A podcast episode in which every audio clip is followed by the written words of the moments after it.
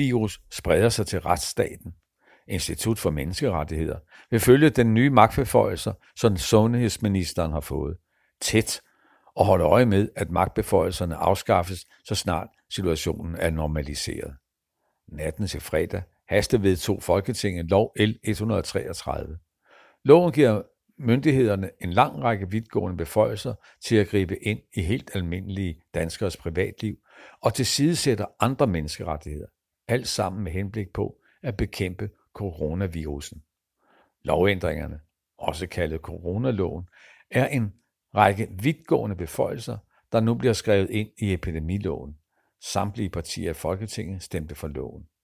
Med den skærpede epidemilov i hånden får sundhedsminister Magnus Heunicke fra Socialdemokratiet ret til at indføre tvangsundersøgelser, tvangsbehandlinger, tvangsvaccineringer af borgerne samt sætte folk i tvang karantæne, hvis de er mistænkt for at være smittet med coronavirus. Sundhedsministeren får også ret til at afspære et område, hvor en almen farlig sygdom optræder, eller hvor der er risiko for, at en sådan sygdom optræder eller bringes ind. I yderste konsekvens skal ministeren kunne bede både militær og private vagtværn om at bistå politiet i at håndhæve de nye beføjelser, fremgår det af de mere end 40 siders bemærkninger til loven. Regeringen kom dog ikke igennem med sit forslag om at give myndighederne ret til at trænge ind i folks private hjem uden retskendelse, hvis det, hvis der er mistanke om coronasmitte. Loven har ikke været til høring hos retspolitiske eksperter og retspolitiske organisationer, men blev hastet igennem alle tre folketingsbehandlinger samme dag, som den blev fremsat.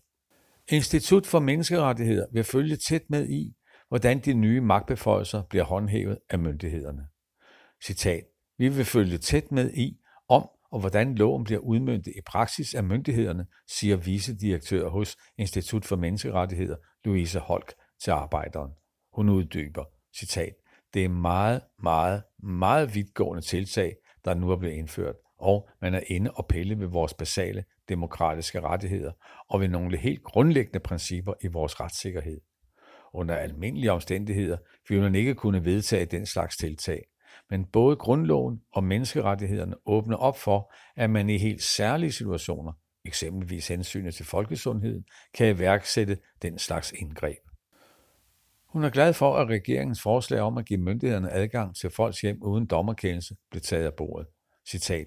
Det er godt, at der blev indført en bestemmelse om, at det kræver en dommerkendelse, før myndighederne kan, kan gå ind i vores hjem. En dommerkendelse er en del af vores grundlæggende retssikkerhed, og det er generelt en meget dårlig idé at fravige det princip. Også Retspolitisk Forening er betænkelig ved den nye lov. Citat. Alle de elementer, som kan føre til umiddelbart indgreb i den enkeltes ret til privatliv, herunder personlig frihed og integritet, eksempelvis tvangsvaccination, ret til familie, ret til fri bevægelighed, ret til forsamlingsfrihed, er retssikkerhedsmæssigt betænkelige, siger formand for Retspolitisk Forening, Bjørn Ellenqvist, til arbejderen. Citat. Man udvider de kriterier, hvor politiet og myndighederne må anvende magt til ikke bare at omfatte eksempelvis optøjer, men til nu også at omfatte hensynet til folkesundheden og dermed give mulighed for at tvangsundersøge og tvangsbehandle. Selvom myndighederne nu i princippet har fået flere muligheder for at anvende magt, så må myndighederne selvfølgelig ikke bare fare ud og bruge de vidtgående magtbeføjelser, som den nye lov åbner op for. Det burde regeringen måske gøre noget mere ud af at fortælle.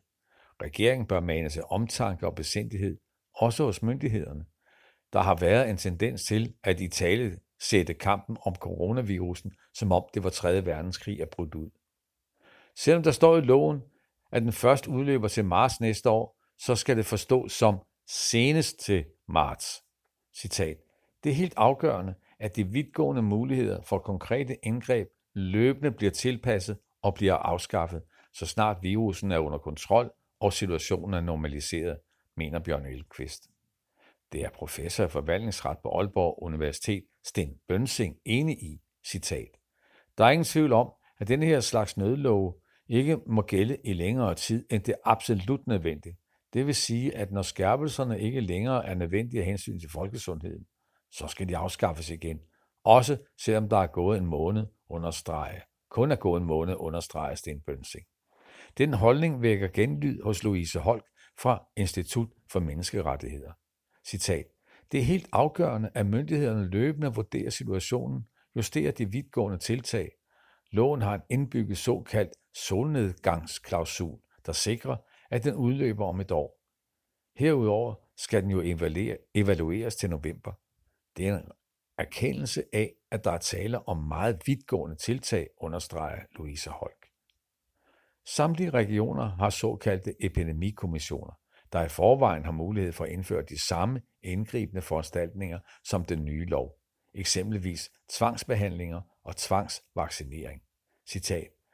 Men når man samler beføjelserne hos sundhedsministeren, sikrer man en mere effektiv og ensartet landsdækkende indsats, end hvis beslutningen skal tages ude i de enkelte regionale epidemikommissioner, forklarer professor i forvaltningsret på Aalborg Universitet, Sten Bønsing til arbejderen. Citat.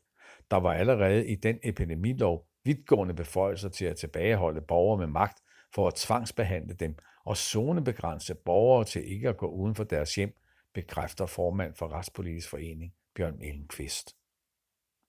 En af dem, der kom sent i seng natten til fredag, var enhedslisten sundhedsordfører Peter Veblund. Citat.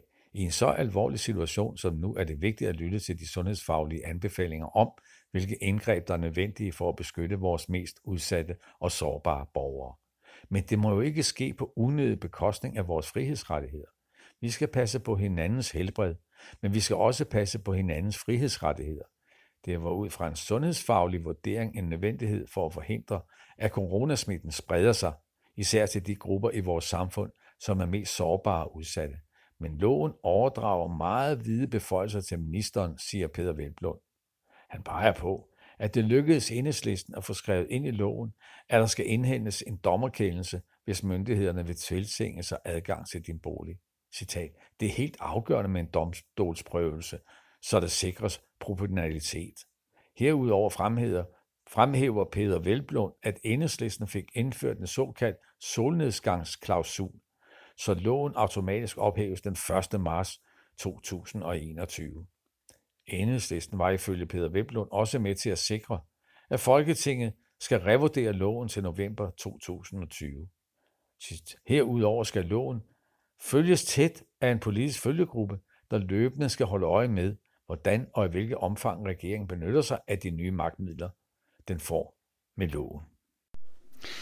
Du har lyttet til en artikel fra Arbejderen.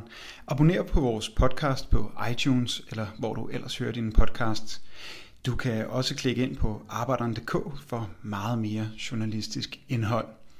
Du er også velkommen til at følge Arbejderen på YouTube, Facebook, Instagram eller Twitter, samt tilmelde dig Arbejderens daglige opdatering på Messenger.